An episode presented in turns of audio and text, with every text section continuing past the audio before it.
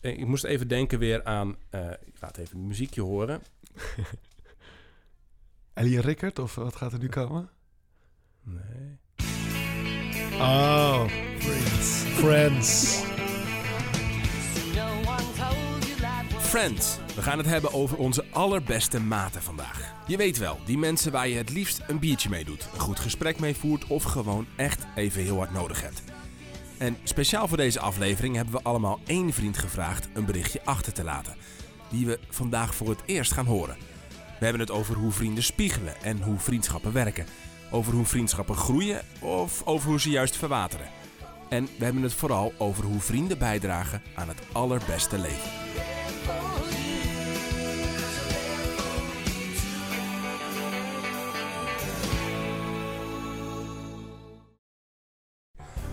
Die wilde ik gewoon.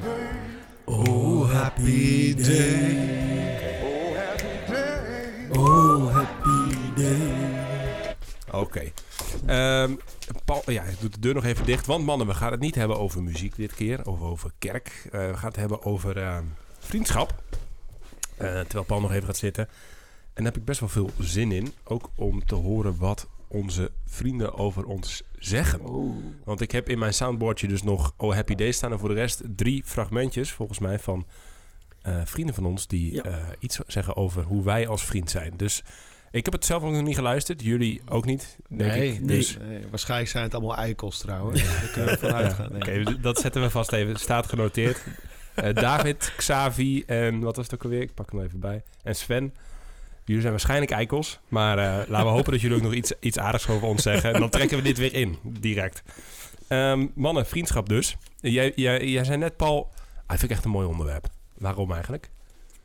Ik denk dat het een van de belangrijkste onderwerpen in het leven is. Ja? Ja, en eentje die we als het meest van ze spreken aannemen van vrienden. Mhm. Maar misschien ook dat we eentje is die, waar we het minst over nadenken. Hm, Wat is nou echt een goede vriend? Hoe groei je een vriendschap? hm. Dus eh, ja, ik vind het gewoon heel mooi. Ik, eh, ik vind vriend, vriendschap een van de belangrijkste dingen in het leven om gelukkig te worden.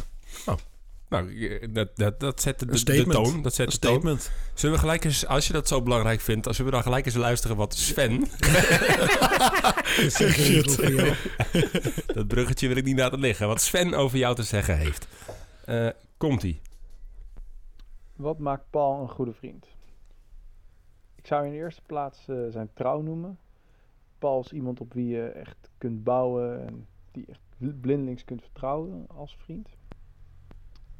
Daarnaast is Paul een ontzettend open en eerlijk persoon. Eh, hij en ik hebben denk ik best op een aantal vlakken een andere kijk op het leven of hoe je het leven zou moeten leiden. Maar daar hebben we altijd heel open en eerlijk over kunnen praten. En dat heeft eigenlijk een heel mooi eh, onderdeel uitgemaakt van onze vriendschap altijd. Op een heel open en respectvolle manier. En wat ik mooi vind aan Paul is hij, hij opent ook vaak het gesprek, eh, ook, met vreemden bijvoorbeeld, met de vraag: leef je of overleef je? en dat vind ik zo'n mooie op, ontwapenende manier van gesprek voeren. waar hij dat echt doet met een eerlijke interesse. Ja, dat merk je gewoon. Dat, is, dat, is- dat vind ik echt, echt heel mooi aan hem. Ehm, en daarnaast, Paul is een ontzettend genereus persoon. Hij is genereus in zijn tijd, eh, in zijn aandacht en ook in zijn spullen, dingen uitlenen. maar bovenal is hij ook echt genereus in zijn vriendschap. Nou, hij wil altijd, altijd mensen aan elkaar verbinden, bij elkaar brengen. En eh, ja, dat, dat, je ziet echt dat hij daar heel veel plezier eh, uit haalt. En dat, dat vind ik heel erg mooi aan Paul. Wat is irritant aan Paul als vriend? Oké, nu moeten we opletten. Ja. Ja, Paul kan vreselijk koppig zijn. In discussies kan Paul heel erg vasthoudend zijn. Tot het vermoeiende aan toe. Eh, en hij is echt niet bang om een minderheidspositie eh, in te nemen. Dat, dat is denk ik heel mooi. Maar na een tijdje denk je ook af en toe van... Zo, zullen we het nu even over iets anders hebben? Want hij kan zo ontzettend vasthoudend zijn. Goed. Nou, even, even eh, dat vasthoudende, volgens mij herkennen we... Nou ja, eh, ik vind die eigenlijk nog wel meevallen hoor. Eh, maar ik proefde wel iets van je gedrevenheid inderdaad. De- dat, maar hij zegt met name Sven... Ja, sorry Sven dat we je een eikel genoemd hebben, want je zegt gewoon heel veel mooie dingen, toch? Ja, ja, ja. Ik ga volgende week vrijdag met een squashje, dus dan, dan, zal ik, eh, dan zal ik het goed maken, Oké. deze uitspraak. Nee, dus... En trouwens, misschien is het ook wel dat tweede wat hij zei, wat, wat hem irriteert. Je zegt, nu ben ik... Kijk, ook in de vriendschap leer je. En ik weet dat. En Ja. ik heb het natuurlijk ook met hem over gehad. Dus ik probeer daar ook nu bewust op te letten. Maar zeker in bepaalde samenstellingen met vrienden. Ja. Sven eh, bijvoorbeeld zelf is ook niet, is, is niet christen. Ik wel. En we hebben natuurlijk ook vrienden die ook niet christen zijn. En, en soms heb je discussie over politieke, sociale of eh, morele onderwerpen. Ja. En dan inderdaad dat je op een gegeven moment ook leert van... oké, stap je achteruit of daarna sorry zeggen als je te fel bent geweest. Dat is ook temperament. Ja. Kan ik ook best wel fel zijn. Toch die Catalaanse moeder, hè? Ja, man. En, eh, nee, maar, maar, maar, Goud, maar hij zegt eh, eh, genereus, ontwapenend, open, betrouwbaar, hoor ik ergens volgens mij voorbij. Nou, dat is wel, ja, het zal je maar gezegd worden, toch? Is toch ja, mooi? dat is, dat is heel mooi. Daar ben ik heel dankbaar voor. Ja. Ja, Daar heb je dus ook zelf gecultiveerd, hè? Dat is, dat is iets waar je, nou, hoe je bent en hoe je wordt, maar de- dat is, je hebt dat ook, hoe lang ken je Sven? sinds 2012. Nou ja, Wow. dus ook al bijna tien jaar. Dat, dat heb je, heb je, je hebt een relatie ontwikkeld waarin dat mogelijk was dan, toch? Ja, ja, en ook een hele mooie relatie. Het is een vriendschap die zich op een heel mooie manier heeft opgebouwd. En eh, we hebben ook beide onze shitperiodes gehad. Hè? Onze crisis. eh, onze natuurlijk ook goede momenten. En Sven is iemand met wie ik ook altijd echt ook inhoudelijk ook echt de diepgang kon zoeken. Want dat vind ik heel belangrijk. Ja. Het is ook iemand die wel open staat voor belangrijke idealen in het leven. Maar het is ook iemand bijvoorbeeld met wie ik mij begon om mijn hobby's, dat is hamburgers bouwen, ben begonnen. Hij heeft me ook eh, geleerd om gitaar te spelen. Ik, heb hem, Ah, ja. eh, ik gaf hem Spaans eh, en hij gaf me gitaarles. Wow. Het is ook iemand met wie ik ga squashen en met wie ik ook gewoon heerlijk bier kan drinken. Ja. En kan, kan ouwe hoeren. Dus eh, het is een vriendschap waar heel veel van dit soort dimensies hè, Vind je van dat het ook leven... belangrijk aan een dimensie dat je en dus kunt ouwehoeren en eh, hamburgers kan bakken en, en, en, en die diepgang kan vinden? Ja, het is, het is niet... Kijk, sommige vrienden is meer van de diepgang dan van het andere. Maar uiteindelijk, als het alleen maar een beetje ouwe hoeren is... dan haak ik ook een beetje af. Ehm, als het een, gewoon een vriendschap die ik echt wil waarin wil investeren. Want ik zoek een vriendschap ook dat ik erin kan groeien. Ja. En dan vind ik het... En dan, ik, ik hou niet van, van een persoon die oppervlakkig in het leven staat. Ja. Maar dat is één ding. Iets anders is dat meerdere dingen van je leven ook gewoon gaan over kleine grappige dingen. Voetbal kijken, bier drinken. Dus het is niet dat alles nou per se knijter intens en knijter diep moet zijn. Ja. Want het leven is heel Maar het rijk. is fijn als het er allebei is. Het is heel fijn als allebei is. Ja. Hey, en nog even, want eh, laten we de favor even terug doen aan onze vrienden. Wat maakt Sven tot een goede vriend, tot een mooie vent? Ik, eh, Sven is, eh, is, een, eh, is een Sam als het gaat om Lord of the Rings. Ah, ja. Dus hij noemde me aan het begin loyaal, maar dat is, dat is iets waar hij me enorm heeft geïnspireerd. Hij is ook een heel zoekend mens, met een heel, on- heel ontvankelijk, heel open. Dus ook in gesprekken, die, wat hij zei over dat die koppigheid, dat is één op één gebeurt dat misschien af en toe, maar vooral in groepsdynamieken. Eén op één, met hem kan ik heerlijk praten, ik kan compleet mezelf zijn. Hij is ook gewoon hilarisch, eh, een heel sociale, sociale kerel. Ehm, en hij, heeft ook, eh, hij, is ook, hij is ook heel bescheiden. Hij is ook iemand die... En dat creëert een ontvankelijkheid... waardoor je ook heel makkelijk dingen kan delen. Hm. Hè, hij verroddelt je niet, maar daarnaast... en dat vind ik ook zo mooi dat hij dat zei... Hè, ehm, hij, hij durft ook gewoon te zeggen wat hij denkt. Hè? Dus hij had natuurlijk ook kunnen zeggen... Ja, Paul, eh, nou, kritiekpunt op Paul is... eh, en met een of andere cliché-opmerking... maar hij zegt gewoon wat hij denkt. Ja. En ik denk dat dit... Het is grappig, het is leuk, maar er zit ook iets in waar ik in kan verbeteren. Ja. En dat durft hij ook gewoon te zeggen. En dat vind ik heel belangrijk. Ik wil geen eh, slappe vrienden die, eh, die, die me niet helpen om een beter mens te worden. Ik wil Ja. vrienden hebben die ook durven te zeggen hè, van... nee vent, hier moet je in groeien. Ja. En eh, dat doet hij gewoon. En dat vind ik heel belangrijk. En ik merk nog steeds, godzijdank, dat die vriendschap nog steeds groeit. En eh, ja, dat vind ik gewoon echt prachtig. Ik, ik ben daar wel benieuwd, waar is die vriendschap ooit begonnen? Hoe heb je hem ontmoet? Waar? Eh, we, hebben, we zijn beide in 2012 de universiteitsraad ingegaan. Van de Universiteit Utrecht. Ja. Dezelfde fractie. En toen hebben we elkaar leren kennen. Het was eigenlijk ook wel mooi, want ik dacht ook aan het begin van de universiteitsraad. Voor mij was ik ook wel spannend, want je gaat met elf andere personen samenwerken. Je gaat heel veel het studentenleven in, ook eh, allemaal borrels en feestjes en evenementen. En ik vond het ook wel spannend vanwege mijn levensstijl. Hm. Hè, want ja, ik, ik natuurlijk, ik deed ook mee aan het studentenleven. Maar ik heb ook een levensstijl die waar het ook belangrijk is dat je een beetje ingetogen bent. Celibatair katholiek is in, in, in, op de universiteit... Dat is Ja. ja. mijn uitzondering. Ja, dan ben je weer een uitzondering in de Ja. regel, ja. Dus ik zocht, maar al die mensen met wie ik samenwerkte... en met wie ik dat ging doen, die kende ik nog niet. Die kenden ook mijn leven niet. Dus ik zocht ook eigenlijk iemand op wie ik een beetje kon vertrouwen... en die me ook een beetje in de gaten kon houden. Ja. Hè, bijvoorbeeld, eh, nou, ik, ik, kan, eh, ik kan heel spontaan zijn, heel sociaal. Maar ja, soms is het ook gewoon goed om even wat rustiger aan te doen. Zeker Ja. als het gaat om de dames. En dus bij een van de eerste gesprekken zei ik hem al... Hey Sven, ik zou het echt waarderen als je ook een beetje in de gaten houdt... en dat je me feedback geeft. Als je merkt hè, dat ik te dom of te onvoorzichtig doe. Of... Ja. En eh, hij zei me toen hetzelfde. Hij had al een Mm. relatie en hij vond het ook wel prettig. En eh, ja... Dus je hebt, elkaar ook, je hebt elkaar gesteund. Je hebt elkaar ook echt... Je had direct al iets waarvoor, waardoor je elkaar... eh, ja, waardoor je elkaar kon, vast, kon vasthouden en kon verder helpen. Absoluut. En Ja. daarna twee andere dingen wat ook hiel, die ook hielpen om de, de vriendschap te op een heel diep niveau te brengen. Dat is, ik ging kort daarna door een eh klote periode in mijn leven heen. En daar heb ik ook niet altijd eh, de meest eh, mooie kanten van mijn leven laten zien. Eh, en hij heeft dat gezien. Ja. Oh. En hij heeft dat ervaren. En dat heeft ook geholpen natuurlijk. Aan het begin is dat niet leuk. Want je wil zeker altijd de, de goede kanten van, eh, van jezelf zien. Zeker als je met mooie idealen preekt, hè, zoals Ja. ik. En je relatie met Jezus en weet ik wat allemaal. Maar dat heeft hij gezien. En dat heeft ook geholpen om, om, om me veel kwetsbaarder op te stellen naar hem toe. Hij was ook in die tijd nog steeds, maar toen heel zoekend in zijn leven. En daar kon hij ook bij mij ook helpen om meer richting te, te vinden. En een ander ding is, we hadden ook gewoon veel gemeenschappelijke interesses. We houden veel van dezelfde muziek. Hij heeft me gitaar leren spelen. Eh, we houden beide veel van boeken lezen. We studeerden beide geschiedenis. Hij is een aantal jaren jonger dan ik. Dus ik was met het einde van mijn bachelor meer aan het begin. Ja. Maar, eh, maar we hielden beide ook veel van geschiedenis. En, eh, en we hebben ook wel iets ouderwets beide. Dus toen we de universiteit ingingen, hadden we bijna nog geen WhatsApp. Maar we zijn een beetje geforceerd door de groepsdruk ingegaan. en hij ging op een gegeven moment de master doen in Schotland. En toen dachten we, nou, in plaats van met WhatsApp communiceren... van hoe gaat het met je, gingen we gewoon brieven schrijven.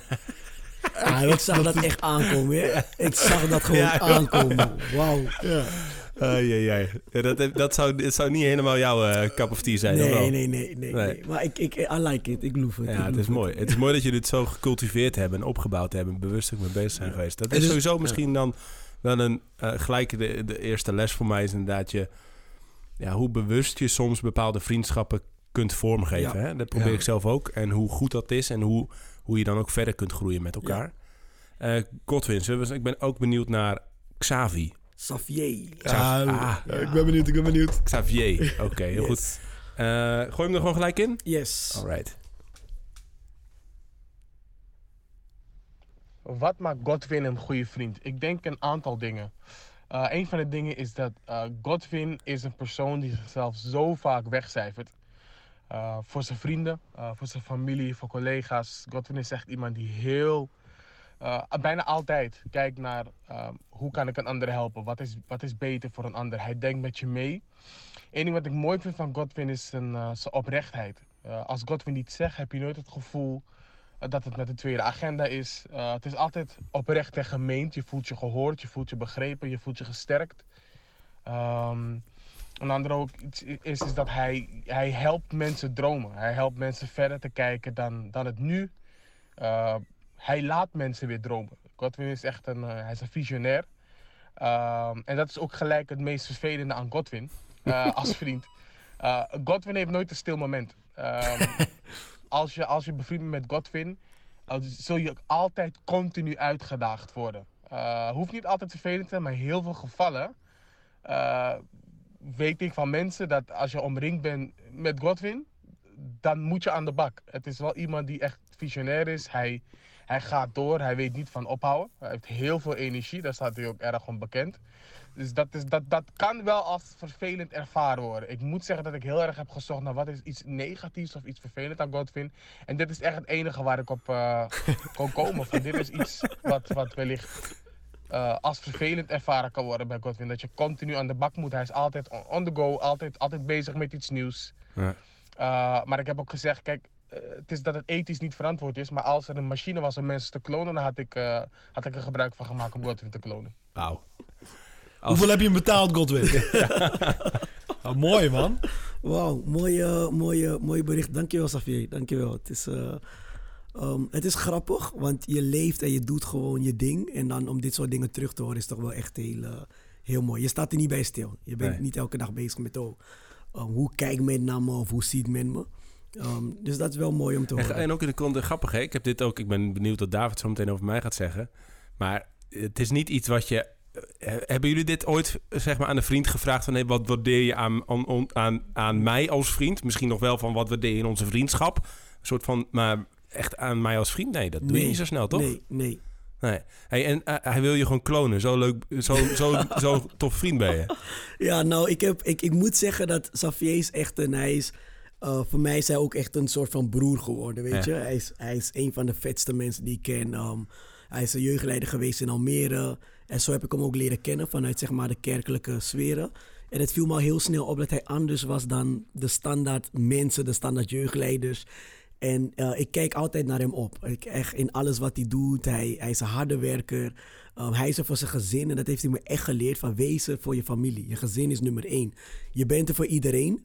Maar je bent er niet voor je gezin. Dan, dan val je. Dus dat zijn wel lessen die hij me leert. En soms zegt hij me ook van... God, je, je doet te veel. Waar ben je mee bezig? Dus hij kan je ook in die, in die vriendschap kan- hij kan je wat leren en hij Ja. kan je spiegelen. Ja, ja. En dat, dat vind ik wel heel, heel vet en heel mooi, uh, mooi van hem. Mooi. Zullen we even, volgens mij staat er iemand voor de deur. Ja, Zal ik- even Ja. open doen hier?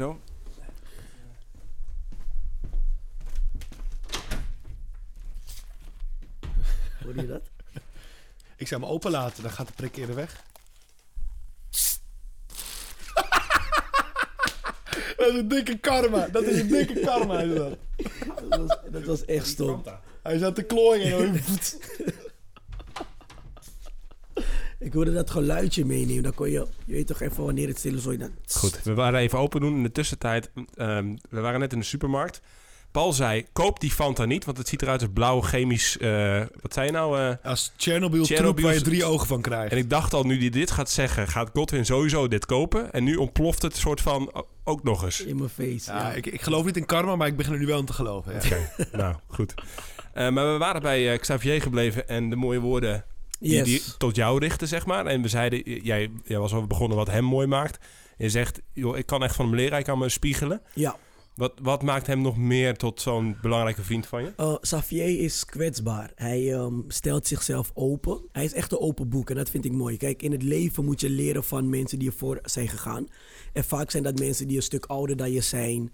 Um, Xavier en ik verschillen niet heel veel, maar hij zit wel in een hele andere levensfase dan ik. Hij is eerder dan mij getrouwd, hij heeft al drie kinderen. Um, Hij is um, eerder de onderneming ingestapt. Dus op een gegeven moment moest ik leren van iemand. En um, als ik mensen dan vragen ging stellen, was het altijd een soort van mooie ding wat ze me dan vertelden. Van ja, uh, ook met het gezin of met onderneming of met de kerk. Maar Xavier vertelde me gewoon de waarheid van hé, hey, dit is gebeurd, zo voelde ik me. Ik stond op het punt om op te geven of ik heb opgegeven of ik vond dit vervelend. Of... En dan leer ik van dat soort dingen. Dan denk ik van wauw, dan kan ik dat anders doen. Ja. En dan zie ik ook weer als ik naar zijn leven kijk, hij heeft... Hij, hij kent echt diepe punten, die echt gewoon uh, financiële hele diepe punten. Maar hij kent ook hele hoge pieken. En ik heb dat gezien. En omdat ik dat gezien heb, geloof ik hem als hij wat zegt. En hij is dan ook echt, hij, hij legt gewoon alles open. Hij zegt, Godwin, hier heb ik dit gedaan, dit ging fout, hier heb ik dit gedaan, dit ging goed. En op deze manier kan je het doen. Ik weet niet of het gaat werken, maar probeer het maar. En daardoor waardeer ik die vriendschap echt, want het is niet fake. Alles wat hij zegt, weet ik dat hij het of uit ervaring zegt en dat het echt is. En dat vind ik mooi aan, uh, aan Xavier. Ja. Mooi. Ja. Dus al- als we het hebben, zo, ik zit gelijk een beetje te, in mijn ana- analyse-modus. Ehm, maar ehm, zeg maar openheid, kwetsbaarheid. Je Ja. echt authentiek durven zijn. Eh, b- cliché woord, maar goed. Ehm, maar eh, is wel belangrijk. Ja. En Paul, Paul zei al van, joh, eh, ja, elk, die vriendschap cultiveren, vormgeven, elkaar verder helpen, beter maken. Ja. Dat zeg maar, dat hoor ik jou ook wel een beetje zeggen. Ehm, en je moet het denk ik ook gewoon heel leuk hebben met elkaar, toch? Je moet iemand gewoon een leuk Ja. persoon vinden. Klopt, zeker ook. En ehm, het moet gewoon klikken inderdaad. En wat een van de belangrijke dingen die ik ook vind bij vriendschap...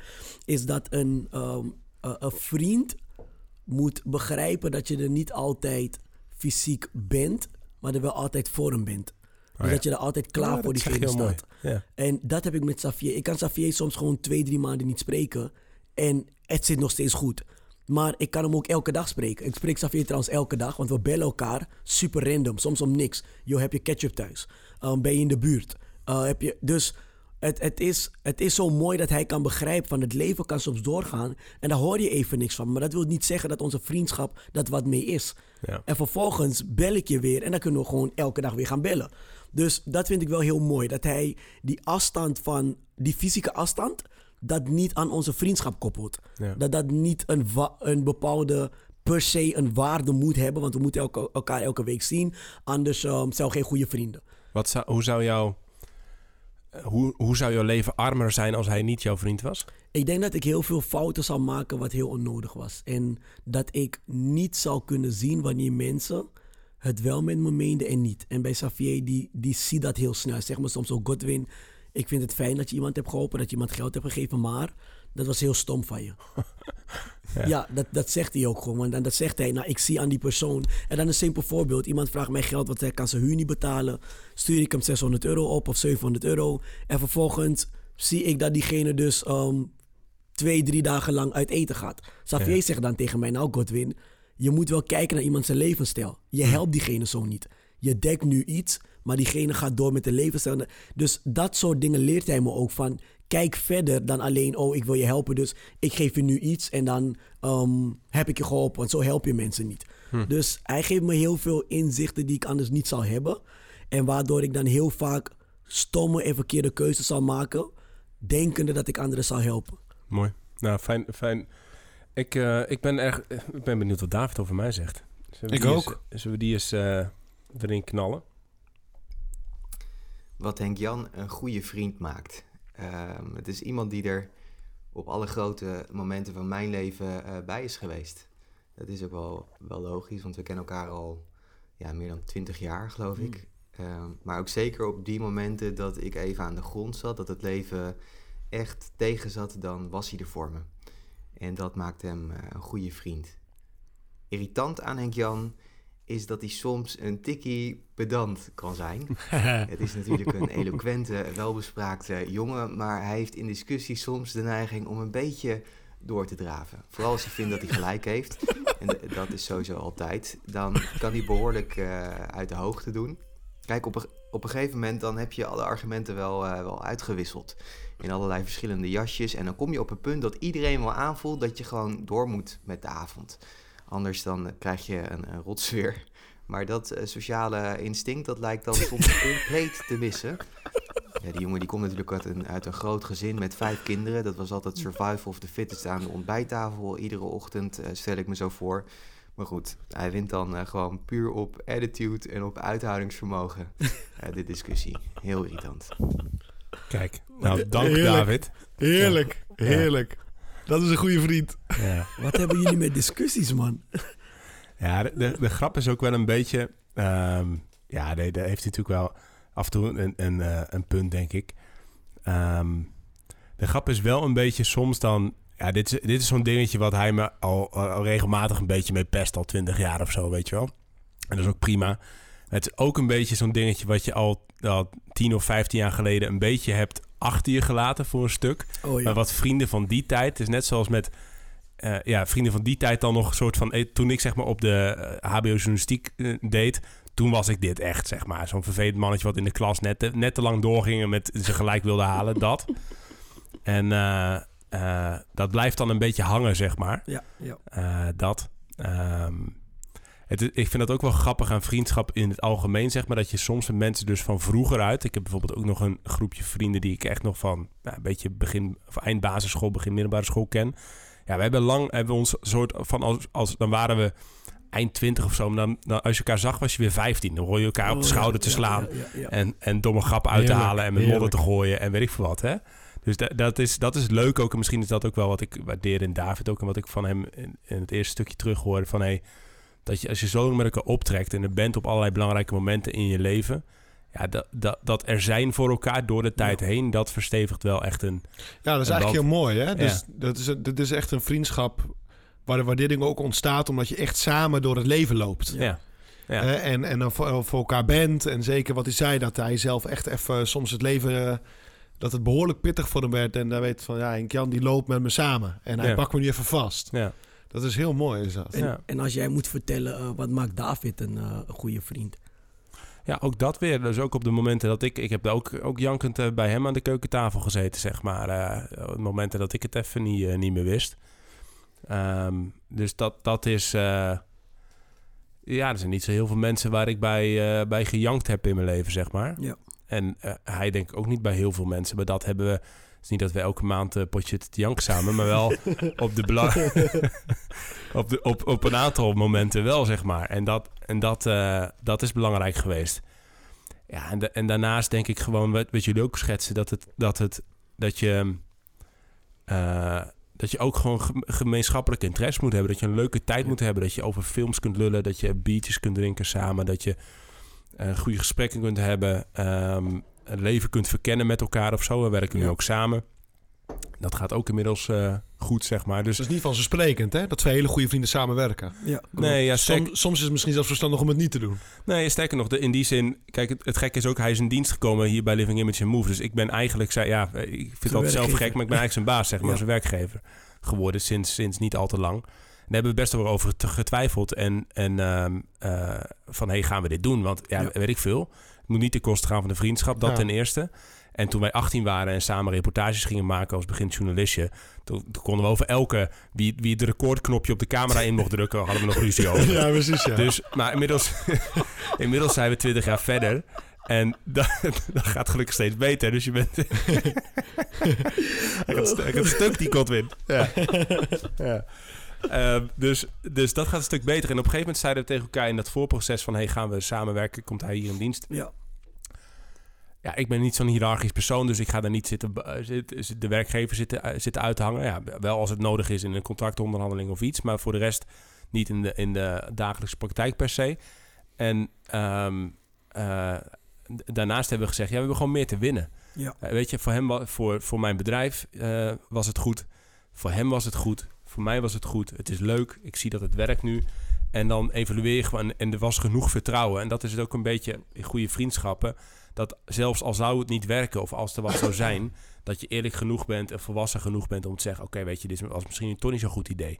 Maar om van tevoren te zeggen: Dat gaan we maar niet doen. Ja. Uit, uit een soort van angst. Terwijl er eigenlijk veel meer te winnen viel dan, dan potentieel te verliezen misschien. Ja, daar hebben we gezegd: van laten we dit gewoon doen en gewoon proberen. Ja, dus een goede vriendschap, dat eist ook volwassenheid. Nou ja, dat is wel, ja, dat moet, dat moet ontstaan. Je moet zelf natuurlijk ook volwassener worden. Maar ik vind dat wel. Ja, ik heb ook, ook in mijn tiende jaren en mijn twintig jaren denk ik goede vriendschappen gehad. En die, eh, heel veel daarvan zijn overeind gebleven. Ja. Ook nu. Ik vind het wel leuk dat als je ietsje ouder begint te worden, dat je nou, dus met elkaar hebt opgetrokken en, en een bepaalde volwassenheid hebt. En ook weet, ja, wat jij ook zegt, zeg maar, dat je ook, ook al spreek je elkaar. Eh David is aan de vriend die ik wel heel veel spreek. Die Ja. woont in mijn omgeving, werken, werken samen. Maar andere vrienden waar ik ook echt close mee ben. Ja, net zoals jij. Dat, weet je, ik heb een vol druk leven. Die spreek Ja. je soms twee, drie maanden niet. Of nog, s- nog, nog langer dat je elkaar niet ziet. Maar ehm, ja, de, je, je, de, je bent er wel voor elkaar. Ja. Ja, en ik denk ook, voor- als ik aan volwassen denk in een vriendschap, volwassenheid is ook dat je niet zomaar de vriendschap omver laat waaien. Nee. Ja. Hè, dus als het een boom is, dat die gewoon diepe wortels heeft. En dan kan je heus wel een keer een ruzietje hebben, of er kan wel een misverstand zijn. Of, hè, maar dan ga je daar niet de vriendschap van laten afhangen. Je bent ook weer gewoon volwassen genoeg om in te zien. Oké, dit zijn dingetjes die gebeuren. En Ja. misschien ben ik de, de sukkel geweest, misschien hij. Misschien moeten we even sorry zeggen. Hm. Maar ik ga er niet twijfelen of deze vriendschap wel nou echt vriendschap is, Ja, weet je. ja. Dat doe je misschien als je 13 bent. En, eh, maar ja, op een gegeven moment heb je ook zoiets van... Ja, weet je, die gaat de vriendschap niet van afhangen. Ja, ja, ja. Nee, klopt. Ik- Ik zit even, ehm, ik zit even te, het, eh, het is wel belangrijk geworden, vriendschap. Hè? Dat, dat gevoel krijg ik als ik jullie zo hoor, als ik de, de berichten zo, als ik de, de, de boodschappen luister, als Ja. ik in mijn eigen leven luister. Even, even hoeveel vrienden hebben, eh, zeg maar mensen die je echt vriend noemt. Ik weet ook niet wanneer je iemand vriend noemt. En, maar hoeveel vrienden zou je zeggen heb je? Zo. Ja, ze zeggen dat je niet meer, zo, zo, zo, niet meer dan zoveel kan hebben. Maar ik zal je eerlijk zeggen... Ik denk dat ik... eh, sommige vrienden heb ik al jaren niet gesproken. Hè, want ik heb ook veel eh verhuisd en zo. Mhm. Maar goede vrienden heb ik er wel een vijftigtal. Vij- goede vrienden ook. Ja, goeie. Ja, gewoon vrienden dat... Als het, nu, als het nu gewoon echt kloten met me gaat... dat ik kan opbellen, dat, dat, ik, dat ze voor me zijn... Ja. Vrienden met wie ik me thuis voel... met wie ik een kwetsbaar kan opstellen. Natuurlijk, met de, sommige heb je meer regelmaat... Sommige heb je nog meer mate van vertrouwen, Ja. et cetera. Ja, maar ik denk niet dat ik... eh, het, het is, eh, ik dank ook God. Het is echt zo'n enorm geschenk. Hm. Eh, ja. Is dat ook een beetje... ehm, kan dat ook omdat je minder in een gezinsleven bijvoorbeeld zit? Of, of denk je? Of... Nou, ik denk dat ik, dat ik eh, net zoals als jij nu een levensfase ingaat... waardoor je ook wat meer vastgepind bent aan thuis... wat, wat hartstikke goed is en, eh, en belangrijk en waardevol. Het is inderdaad wel zo dat, ehm, dat ik misschien wel iets meer flexibiliteit heb, ben bereid. Ik denk nu ook wat aan mijn vrienden die nu kleine kinderen hebben... Ja. dat ik makkelijker even de trein of de auto pak en bij hen langs ga. Ja. En dat ik ze even kan zien. Ehm, maar ook wat, wat Godwin zei van... het kan zijn dat je elkaar al lange tijd niet spreekt... maar dat wil niet per se zeggen dat opeens een vriendschap... eh, Nee, en jij bent überhaupt... Ik denk dat een van de dingen, redenen waarom jij 50 vrienden kunt hebben... Ik vind het wel echt heel veel. Dat ik denk... eh, weet je, kun je ook dan echt vriend zijn voor hun allemaal of zo? Maar ik denk een van de redenen waarom het misschien wel lukt bij jou... ehm, is, is dat je eigenlijk altijd die verdieping zoekt. Dus altijd die relatie. En dan merk ik in de podcast die wij nu met elkaar opnemen sinds, sinds een aantal maanden. Dat ik denk, ja, weet je, wij zijn best wel close geworden. Het komt ook door het format van die podcast. Dat je over Ja. heel wezenlijke dingen met elkaar praat. Maar ik heb niet het idee dat als we die podcast niet zouden... dan zou ik alsnog dit soort gesprekken met jou voeren. Voor Ja. mijn gevoel, weet je wel? En dat heeft Godwin ergens ook volgens mij. Dat je echt, dat je...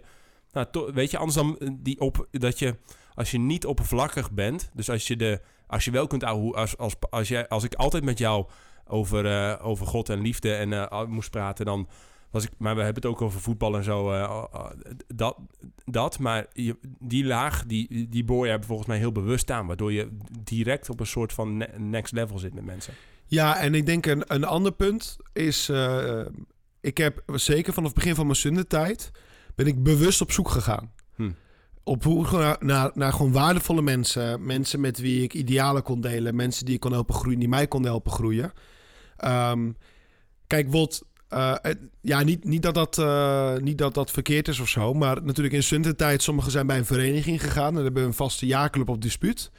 En daar hebben ze gewoon een vaste vriendengroep. Ja. En dat is iets heel moois. Maar ehm, ik, ik, ik, ik had dat niet. Ik, ik ging gewoon overal kijken. Ik wil overal wil, wil ik dit soort Ja. mensen zoeken en heel veel investeren. Dus nu doe ik dat niet meer. Maar ik kan me herinneren dat een aantal jaar van mijn studententijd... dat ik vijf van de zeven avonden... Ja. eh, zat ik één op één in een kroeg eh, of bij iemand thuis... gewoon goede, mooie gesprekken te voeren. Wow. Ja. Eh, want want ik, ik vond het zo belangrijk en waardevol, nog steeds. Hè? Alleen nu ben je wat ouder, je hebt niet de energie om vijf avonden per week... eh, Ja. We gaan- Hey, en- en jij, Godwin, hoe, eh, hoeveel vriendschappen heb je, Um, denk je? Het, het aparte is, als ik moest even nadenken, hoe definieer ik dan vriendschap? Ik eh, denk dat, een, eh, dat vriendschap een, een, soms een onbesproken toewijding is die men aan elkaar geeft om Ah. invulling te geven in elkaars leven. Nou, als je het hebt over taalkunstenaars, Paul kan er wat van, maar een... Zo, dat zijn dure quotes hoor, eh, Godwin. Ja, nee, ik, Ik vond het, ik eh, het, van is, Paul. het is poëtisch. Heel Ja. poëtisch, had ik niet... Ja. Maar nog één keer een, een Een onbe... onbe- onbesp- soms een onbesproken toewijding die men aan elkaar geeft om invulling te geven in elkaars leven. Zo. En Nice. die invulling, dat vul je zelf in wat dat is. Met de ene vriend is het over voetbal praten. Met de Ja. ander is het een, een, een, een, een emotionele band aangaan. En ik kan zeggen, als ik mijn telefoon oppak, en dat, of als ik mijn telefoon pak, en dat durf ik met heel mijn hart te zeggen, wie ik dan ook bel in mijn telefoonlijst en ik zeg ik heb je nodig, die zou er morgen zijn. Hm. En ik heb bijna ehm 4000 contacten in mijn telefoonlijst. Zo. En waarom durf ik dat te zeggen? Omdat ik door de jaren heen altijd wel vanuit mijn kant heel oprecht met mensen geweest ben. En of jij daar nou misbruik van hebt gemaakt of niet, ik weet dat ik het met een oprecht hart heb gedaan. En zolang ik dat heb gedaan, dan weet ik wat voor vriendschap ik hoopte te krijgen met jou. Als Ja. dat er wel of niet uit is gekomen, ik weet dat ik 100% gegeven heb. Dus ik ben ook bij heel veel mensen in hun leven, ben ik eh, soms twee, drie maanden of twee, drie jaar heel actief geweest. En opeens was ik weg. En dat wil niet zeggen dat ik die vriendschap niet meer waardeer. Eén, er zijn dingen in het leven waardoor het leven doorgaat. Um, ik kreeg het een stuk drukker. Maar ik weet als ik die mensen bel of hun bellen mij, dat alles gewoon nog steeds heel cool Ja, is. dat, want dat vind ik dan wel. ehm, ik vind dat wel een lastige ergens, hè? Van hey, ik heb ook tientallen vrienden, denk ik. Ja, Ehm, en ik, ben, ik heb heel erg geïnvesteerd de afgelopen jaar om ook mensen, ondanks dat het soms een paar maanden niet lukt, maar echt Ja. te blijven zien en leuke Ja. dingen te doen, et cetera. Ehm, en, en tegelijkertijd vind ik het bijvoorbeeld lastig, wat jij dus nu lijkt te zeggen, om mensen ook te laten gaan. Ik voel me best wel schuldig als ik een soort van relatie eh, laat verwateren. Ja. Of, en dan, weet je, dat, dat hè? En ik, maar ik zie dat ook niet als laten gaan en laten verwateren. Want de invulling die we hebben gegeven aan onze vriendschap. En eh, misschien is het belangrijk voor ons als, als volwassenen om te bespreken met vrienden. Wat verwachten we van elkaar? Want de invulling die wij um, onuitgesproken aan elkaar hebben gegeven. Is dat wij voor die periode heel erg met elkaar zouden optrekken. We zouden leuke dingen samen doen. En Ja, uiteindelijk ja. Word je volwassener, je leven gaat door. En omdat we die dingen niet meer samen kunnen doen, betekent het niet dat we geen vrienden meer zijn. Of betekent niet dat we geen goede vrienden meer zijn. Um, en daar ben ik, misschien kan het zijn dat ik heel makkelijk ben in loslaten en dingen laten gaan. Waardoor ik heel nuchter denk wat dat betreft. Maar ik weet zeker, ik heb bijvoorbeeld een, hele, een, een vriend van me, die had ik jaren niet gesproken. En die is verhuisd naar, um, um, naar Den Haag. Jaren niet gesproken. En op een gegeven moment belt hij me. En ik had zoiets van, wow, super tof dat je belt. Laten we afspreken. En alles was gewoon als of we elkaar gisteren hebben gesproken. En daarom dat ik vorige keer ook zei een, af, een aantal podcasten terug. Ik bel soms random mensen. Gewoon om te weten van, hé, hey, bij mij zit het cool, maar hoe zit het bij jou? Weet je, we hebben elkaar twee jaar niet gesproken. Hoe gaat het met je? Uh, kom een keer langs of ik kom bij jou. Maar dat hoeft niet dan elke week of elke maand te zijn. Nee, precies. Maar het is wel even het moment dat ik zeg van... Ja, nee, voor mij is dat, voor mij voelt dat toch anders. Als ik, als ik zeg echt mijn vrienden, zeg maar, Ja, daarvan heb ik een soort van loyaliteit waarvan ik eigenlijk denk die soort, ja, ik, ik durf dat bijna niet, zeg maar, ja, heel af en toe gebeurt het dus, maar eh, echt los te laten, zeg Ja. maar, en te zeggen van, eh, eh, oké, daar hoort voor mij een soort van frequentie van vier keer per jaar elkaar zien en spreken Oh, ja, en echt ja, bij elkaar ja. zijn of zo. En, en als dat wegvalt, ja, dan ga ik niet meer zitten bellen of niet meer zitten, zitten doen of zo. Het is niet dat er dan per se, het gebeurt ook niet zoveel, dus ik heb ook best wel eh, ook ben ik denk ik wel een beetje zoekende moet zijn de komende jaren. Ik heb nu die kleine gekregen, weet je wel. En, en, een, en een druk leven ook. Van, hoe hou, hou ik dat nog vast, zeg maar? Kan ik dat nog waarmaken of zo? Maar voor mij hoort dat er heel erg bij... dat we in ieder geval een keer of vier per jaar elkaar opzoeken... met elkaar zijn, quality time hebben, zeg maar. En vaak vaker. En, en, dat, dat, ehm, en dat dan ook gewoon tientallen jaren lang, zeg Ja, maar. Anders dan... Ik ben, wel- ik ben ook wel benieuwd een beetje in die lijn van wat jullie zeggen. Want daar, eh, van hoe jullie over denken. Want soms wordt er inderdaad gezegd van... Nou, een bepaalde vriend heb je al jaren niet meer gezien... maar dan zie je elkaar en is het zoals altijd. ja. Ja, dat Eh, geloof ik niet helemaal. Ik, laten we zeggen, los van of dat waar is of niet... De vraag is natuurlijk van... hey, wat is nou precies de waarde van vriendschap? Want Ja. iets Ja. is dat je daarmee vertrouwd met elkaar bent. Dat geloof ik wel. Ja. Dat er toch gewoon na een aantal minuten... dat het vertrouwen van vroeger gewoon weer is... Ja. Dat kan. Ik, ik heb het ook ervaren. Maar dat wil nog niet per se zeggen dat die vriendschap op dat moment ook echt aan het groeien is, dat die echt kwaliteit aan je leven levert. Het is meer van, oké, we zijn er Je hebt een weer. fijne tijd, je kunt goed met elkaar. Ja. Precies. Ehm, want Aristoteles maakt een heel mooi onderscheid tussen drie soorten vriendschap. En die kunnen alle drie aanwezig zijn. Hè? Dus het is niet of, of, of. Top. Hè? Dat is belangrijk. De, de, de, het laagste niveau hè, is die van nut. Ja. Je bent nuttig voor elkaar. Ja. Eh, dat bijvoorbeeld zijn twee vrienden die samen sporten. Hè? Ja. Want ja, dat, dat helpt elkaar en dat is gewoon fijn. De tweede is van genot. Dus dat kan ook sporten, dat kan lekker bier drinken samen, weet ik van wat, feestjes, et cetera. En de derde, dat is de hoogste, dat is die van waarde of van deugd. Hm. Maar de uitwisseling tussen twee personen is de, de, de, de waardes, de goede deugden, dat je elkaar helpt om een beter mens te worden. Hm. Op het moment dat ik iemand een lange tijd niet heb gezien en we zien elkaar weer en het is zoals vroeger, dat, is, dat lijkt me meer een soort van conditie op dat er vriendschap kan zijn. Maar dat wil nog niet per se zeggen dat die vriendschap op dat moment ook echt aanwezig is. Nee. Het is meer een volwaarde voor vriendschap is aanwezig. Ja. Maar iets anders is, oké, maar En wanneer noem jij dan iemand een vriend? Wan- Wanneer, wanneer zit hij in ieder geval in een van die drie categorieën? Oh, nou, nee, ik denk, ik denk, laten we zeggen, in die drie categorieën. Ja, zeker. Kijk, eh, als je iets voor elkaar betekent. Ik vond het heel mooi wat, eh, als je invulling geeft, die toewijding, waardoor je invulling geeft aan elkaars leven. Ja. Dat kan ook op basis van genot en nut zijn, hè? Ja. Ja. Dus niet dat alles. Maar dat vind ik belangrijk, want het puur. Oh, we hebben elkaar jaren niet gezien, we zien elkaar weer, we praten bij. En nu zijn we weer op de hoogte. Ja. Dat vind ik meer van. Dat is een soort randvoorwaarde. Opdat er. Ja, je moet wel iets dan ontstaan. hebben, zeg maar. En anders dan, dan, dan zou ik iemand een kennis noemen of... eh, prima, maar er moet iets zijn inderdaad. En eh, precies wat je zegt, met de ene stip je de, de grote dingen aan het leven... en huil je samen en weet ik veel wat. Ja. En bij een ander zit het meer op van... hé, we sporten lekker samen, je hebt er samen leuke tijd, dat. Dat kan ook vriendschap, dat is ook vriendschap voor mij. Maar dan moet er wel een soort van...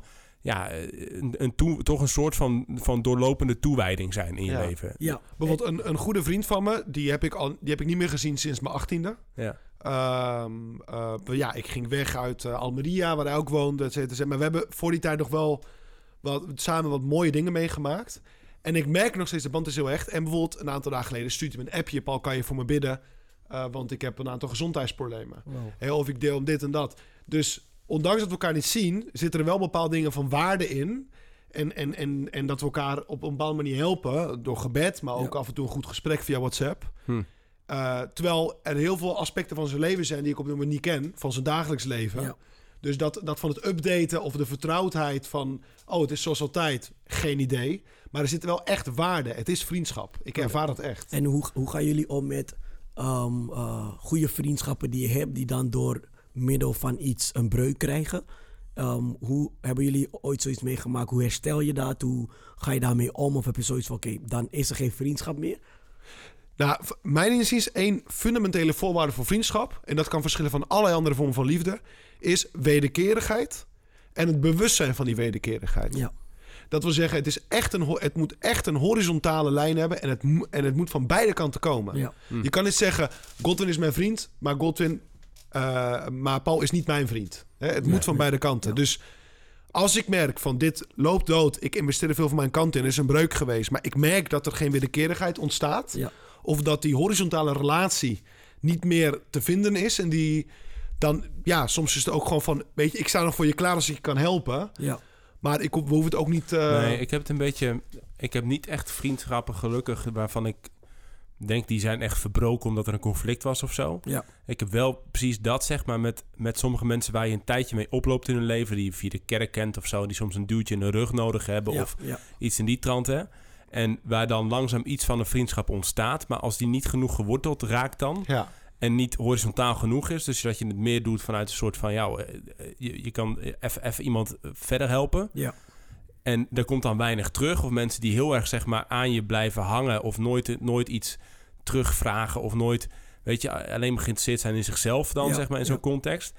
Ja, daarvan merk ik dat het niet lukt om dat op de lange termijn dan vast te Maar dan houden. ben je toch ergens toch wel een vriend van diegene geworden. Ja, voor een bepaalde periode. Ja, maar, voor dus, een dus niet. Ja. voor, maar dat blijft dus niet dan, omdat er die wederkerigheid niet voldoende in ja, zit. Ja, ja. Dan, dan ben ik toch vanuit een soort van... Ja, ik ga iemand helpen, even, even plat gezegd. Of, of, of ik wilde voor iemand zijn, even mooier Ja. gezegd, zeg maar. eh, daarin, en dan ontstaat er iets. Maar eh, dan, dan, dan, dan stopt dat op een gegeven moment ook... als, als die persoon niet de stap kan zetten naar van... hey, joh, wat kan ik, hoe kan ik er zijn voor jou? Of Ja, ja, dat het gewoon eh, dat, hè? Of Dus dat een, je, een goede vriend of een goede vriendschap moet dus ook. Ehm, het zit voornamelijk ook. ehm, eh, het is een twee, twee ehm, richtingsverkeer. Ja, en ik, ik heb een, in het boekje dat ik schreef, heb ik ook een aan vriendschap gewijd. En ik, ik, ik had daar toen heel veel over nagedacht natuurlijk. Ja. En, en voor mij bestaat vriendschap bestaat uit twee hele belangrijke elementen. En dat is identificering en bewondering. Ja, De identificering zit echt in die horizontale lijn. En dat is het fundament. Dat Mm. je je kan verplaatsen naar de ander. ja, Dat je op die manier kan uitwisselen. En de bewondering is eigenlijk meer de verticale lijn. Dat is, je ziet dingen in een vriend die je bewondert, die je graag eigen zou maken. Niet op de ongezonde, jaloerse manier, maar meer van... hey, hij kan mij iets leren, hij, hij heeft me iets te bieden en andersom. We helpen elkaar om beter te worden. En de identificering helpt je om jezelf te accepteren zoals je bent. En de bewondering helpt je om te groeien naar de persoon die je wil zijn. ah, ja. En Ja, ik denk dat beide heel belangrijk zijn. En op het moment dat er bijvoorbeeld alleen bewondering is, dat Hmm. kan misschien een goede meester zijn, een goede ja. leraar. Ja. Het kan een vader of een moeder zijn. Als het alleen identificering is, ja, noem het als je wil een buddy, een makker. Een, ja, hè, van ja, leuk. ja, ja. maar ik denk dat, die, dat, die, dat, dat op het moment dat er zo'n kruis ontstaat, weet je wel, dat is, dat is, eh, dat is voor mij, het is een beetje theoretisch, hè, maar Ja. toch, het helpt me toch wel om, eh, om na te denken. Ja. Hey, misschien nog één, één dingetje wat ik wil aanstippen. En daarna gaan we eh, stoppen. Want eh, eh, wij gaan zo meteen naar een klimbos, mannen. Yes. Dat- ja, ja, Ja. ja. we gaan met de mensen van Move en Living Image gaan we klimmen en daarna bier drinken en barbecuen. Dus eh, daar heel veel zin in. Maar we gaan eerst nog even deze podcast afmaken. Ehm, het laatste puntje wat ik eigenlijk misschien wilde aanstippen is het verschil of de, de eh, familie en vrienden. Ja. Dus, dus eh, ik moest even denken weer aan. eh, ik laat even een muziekje horen. Ellie Rickert, of wat gaat er nu komen? Nee.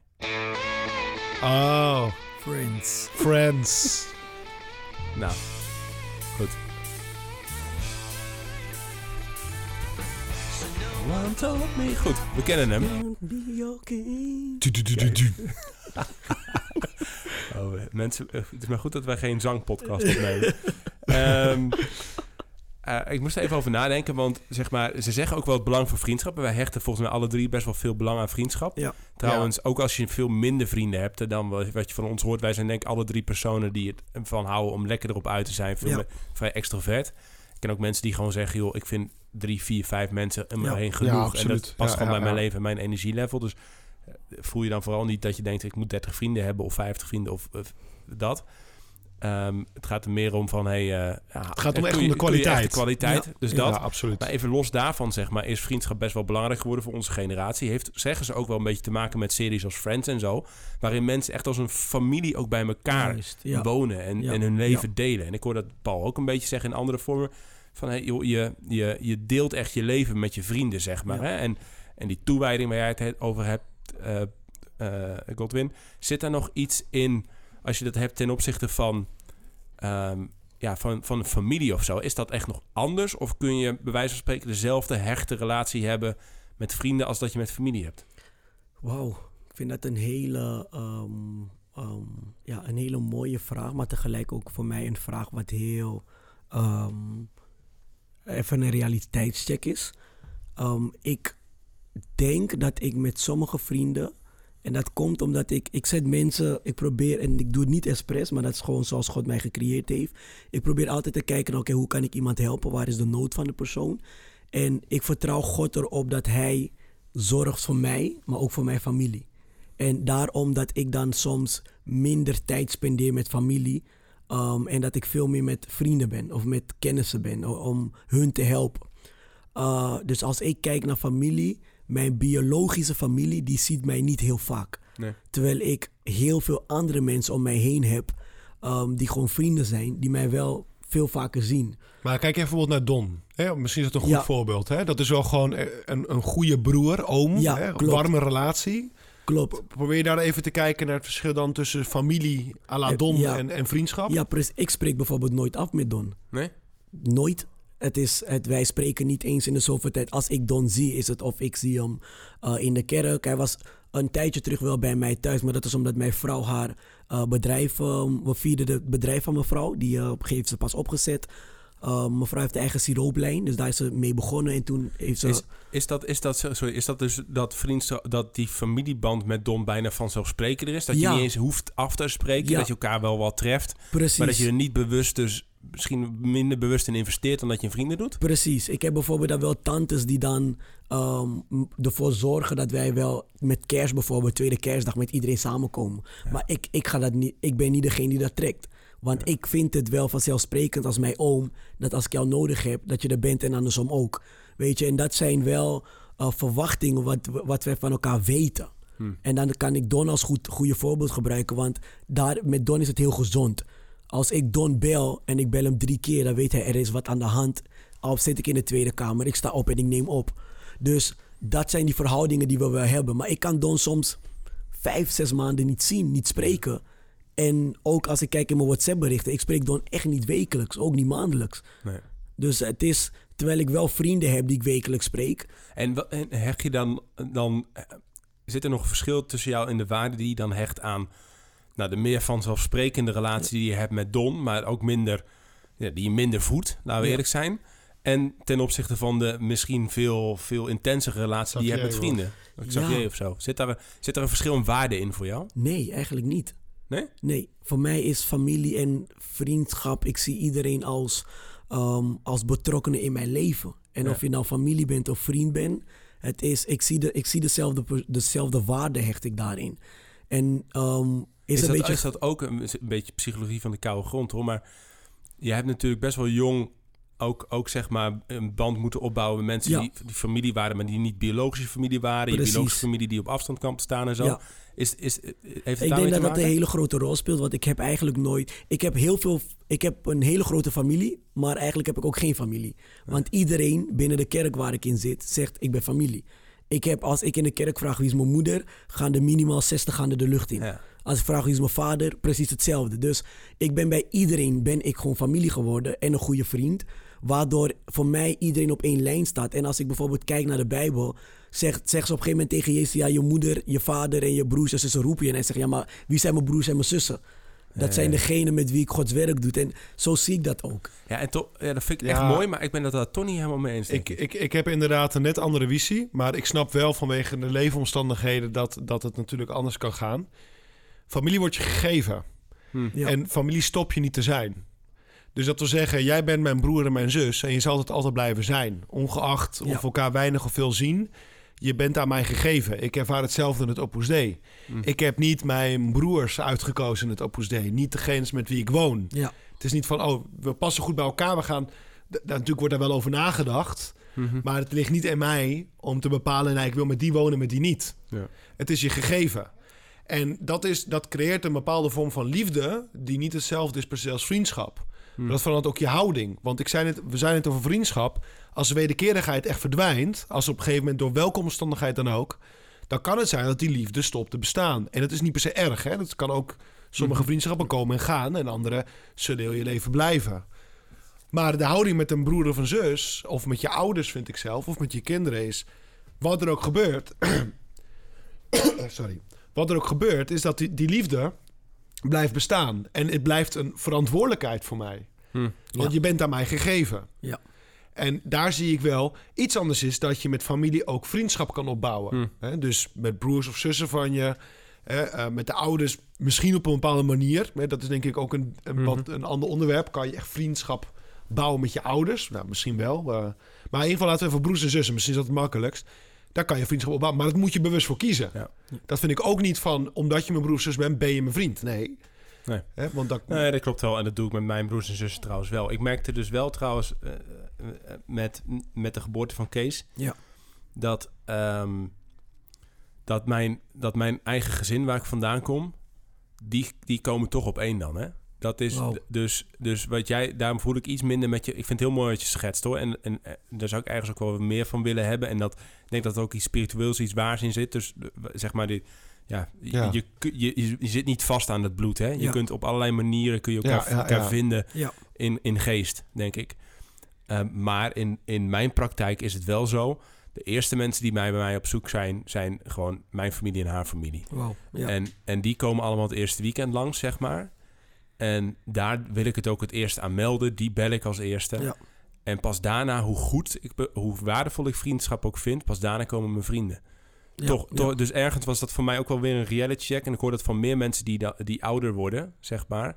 dat hun, hun gezin van afkomst, dat, dat dat weer belangrijker wordt. Omdat ja, daar soort, ook een soort ten opzichte van je eigen kind... Hè, een soort van onvoorwaardelijke liefde... van die opa en oma's en die ooms en tantes zit of zo. Hè? Dus dat, dat, dat is wel iets wat ik... Ja, ik vind dat in ieder geval... hoe mooi ik ook, ook vind Ja, wat ja, jij ja. schetst... Vind ik dit voor mezelf ook echt mega mooi, zeg maar. Dus daarin zitten wel toch...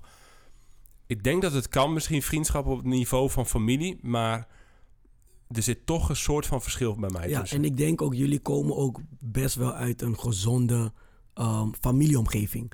Als ik bijvoorbeeld kijk naar toen ik ging trouwen. Mijn vader wist niet eerder dan mijn vrienden dat ik ging trouwen. Dus het maakte mij ook niet heel veel uit of hij, het klinkt heel gek, maar of hij het als eerste wist of niet.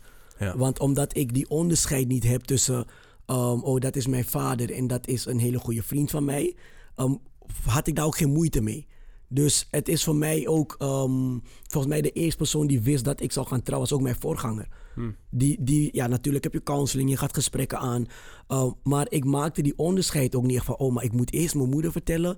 en ik moet eerst mijn vader vertellen. Dus dat had ik niet. Joh, mijn vrouw bijvoorbeeld heeft dat wel heel sterk. Ja. Maar ja, zij komt ook uit een hele goede um, omgeving. En een hele mooie omgeving.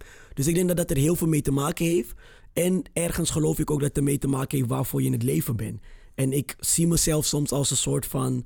um, um, um, ja, een aansteker in mensen hun leven die eigenlijk de aansteken en dat steeds verder gaat. Dat, dat is wat. Xavier ook zegt Ja. hè, over je. Dus dat, Ja. dat, en dat herken ik eigenlijk ook in de korte tijd dat we elkaar nu kennen. Maar dat herken ik ook in je. Dat je me, die energie en dat je, wat je, Ja. en, en dat je durft te dromen en mensen verder te helpen. Ja, dat is goud man, dat je dat kunt. Maar ik denk wel, van, van de ene kant heb je natuurlijk je bloedverwanten. Hè? Ja. Als we het over familie hebben, dan hebben we het natuurlijk over bloed van mijn bloed. Ja. Maar ik geloof ook echt dat, dat je andere vormen van broederschap... Nou, dat, natuurlijk in mijn leven heb ik dat heel aanwezig. Ik kan me wel voorstellen dat Godwin in de kerk bijvoorbeeld... dat hij, dat hij daar echt familie heeft. Ja. Hè? Ja. Het, is, het is een spirituele familie. Je laat elkaar niet in de steek. Maakt niet uit of er wel of geen horizontale relaties zijn. Ja. Je beschouwt elkaar als broeders en zusters. En dat is vaak ook een kerk, hè? En, en, en trouwens, het gezin wordt ook vaker bekeken als de, de lokale kerk, hè? De Ja. primaire Ja. kerk. En zo zou je natuurlijk ook de kerk kunnen zien als een familie. Ja. Eh, en dat is, en ik zeg nu zoals, ik zou zeggen, de kerk is familie of kan Ja. familie echt zijn. Dus daar volg ik je wel En in. in, en in beide gevallen is het zo, kijk, als, als je dus niet die gezinscultuur hebt of die gezins wat, wat gevormd is in je vroege jeugd, ja, dan, dan is dat natuurlijk minder aanwezig. Dus je moet in hoe dan ook, zeg maar, ook in de kerk en ook, ja, moet je bewust ervoor kiezen om die broederlijke of die vriendschappelijke relaties te, te kweken en te cultiveren. Maar we, Ja. we hadden het in, de, in een andere podcast hadden we het ook over dat van het vaderschap en het vertrouwen en de zekerheid. Ik denk wel dat familieliefde is, no, is, is geen luxe, het is noodzakelijk om juist de zekerheid te hebben. Ja, precies. En dat, kan je, dat kunnen je bloedverwanten zijn, maar het kan ook bijvoorbeeld een kerkgemeenschap of in Ja. mijn geval ook mijn huisvriend op Boesdeen van je weet van hoe, hoe ver ik ook val, hier zijn ze. Zijn, precies. Want, want hier is een, een, een liefde die niet gebaseerd is op mijn verdiensten. Of Ja. dit is gewoon, hè, dit is mijn gegeven. Dit is Ja. mijn verantwoordelijkheid. En ik denk wel dat, dat, dus dat een familieliefde is, is, is misschien zelfs een, bepa- is een bepaalde voorwaarde voor geluk in het leven. Denk ik ook. Eh, Ik vind het een mooi punt om hem, eh, om hem ook een beetje mee te eindigen. Dus familieliefde is een voorwaarde, maar die kun je ook met, eh, net zoals dat je dat in je gezin doet misschien, maar die, die, die kun je ook vinden en vormen in een kerkgemeenschap, in, Ja. in vriendschappen. Eh, We zien het misschien met friends, et cetera. Dat soort, ja, eh, zeg maar buiten de traditionele formule van, joh, je hebt een gezin en je woont allemaal in hetzelfde plekje, et cetera. Kan dat ook op andere manier gevormd worden? Ik voor mezelf, nou ja, dat, dat, dat hoop ik in ieder geval. Ik ben er nog niet helemaal over uit of dat echt op hetzelfde niveau soms als, als bloed ook zit, zeg maar, altijd. Maar ik hoor, ik hoor jullie en ehm, ik vind het in ieder geval ook mooi dat het kan. Dat je ook mensen zo in je leven kan toelaten Ja. en zo aanwezig kan zijn in het leven van anderen dat het, ehm, ja, dat, dat vriendschap broederschap wordt. Ja. ja. Ehm, goed, ik vond het... eh, eh, is er een beetje uitgekomen wat je hoopte, Paul, zeg maar? De- Het belang van vriendschap, de, de waarde van vriendschap, eh, daar begonnen we mee. Van hey, hoe belangrijk je het vindt dat dit... Dat dit. Nou, eh, hebben we dat aan kunnen stippen? Ja, en als ik nog één laatste overweging mee kan geven aan de luisteraar. Vriendschap vinden we zo van zo spreken. Maar ik denk dat het gezond is dat je af en toe even de tijd neemt om even na te denken over je vrienden. Om na te denken ook over hè, hoe kan ik die vriend verder helpen om te groeien. En hoe kan die eh, ook mij helpen. Dus, en ook te kijken van welke vriendschappen zijn echt waardevol. Dus de- dat stukje reflectie over je vrienden. En ik denk ook als christen... Een van de mooiste dingen je kan doen is ook echt met Jezus in gesprek gaan over je vrienden. Ja. En dat kan je ook helpen dat de Heilige Geest je ook mooie inzichten geeft over vrienden. Ja. En dat heb ik ook echt ervaren. Dus laten we ook niet vergeten van, van om heel veel met, eh, met Jezus te spreken over vrienden. Eh, ja, hij is onze beste vriend uiteindelijk. Dus dat, dat stukje, dat we het niet als een soort van... eh, je kan je mee laten gaan met de wind. Maar het is juist denk ik ook goed om zelf ook een beetje te sturen. En, en niet te sturen in wat je wil van een ander, maar te sturen in wat vind ik belangrijk in vrienden. Hoe kan ik mijn vrienden beter helpen? Hoe kunnen ze Ja. mij beter helpen? Dus dat moedig ik wel aan. Ja. Nou, en dan, dan krijgen we vast ook in, dat, eh, in die vriendschap een... happy day. Oh, happy day. Wordt een beetje onze live song, jongens. Oh, happy day. Dank voor het luisteren. Het was leuk. En oh, happy day. En geniet Oh, van je vriendschappen. Tjallas. Ciao. Tof dat je luisterde naar de Goed, Beter, Best podcast. We hopen uiteraard dat je hebt genoten. En je kunt ons helpen en op de hoogte blijven door ons te volgen op Spotify, Apple Podcast of Google. En het te delen met vrienden, familie en iedereen die dit moet horen. We zijn er volgende week weer en we zien je dan heel graag terug.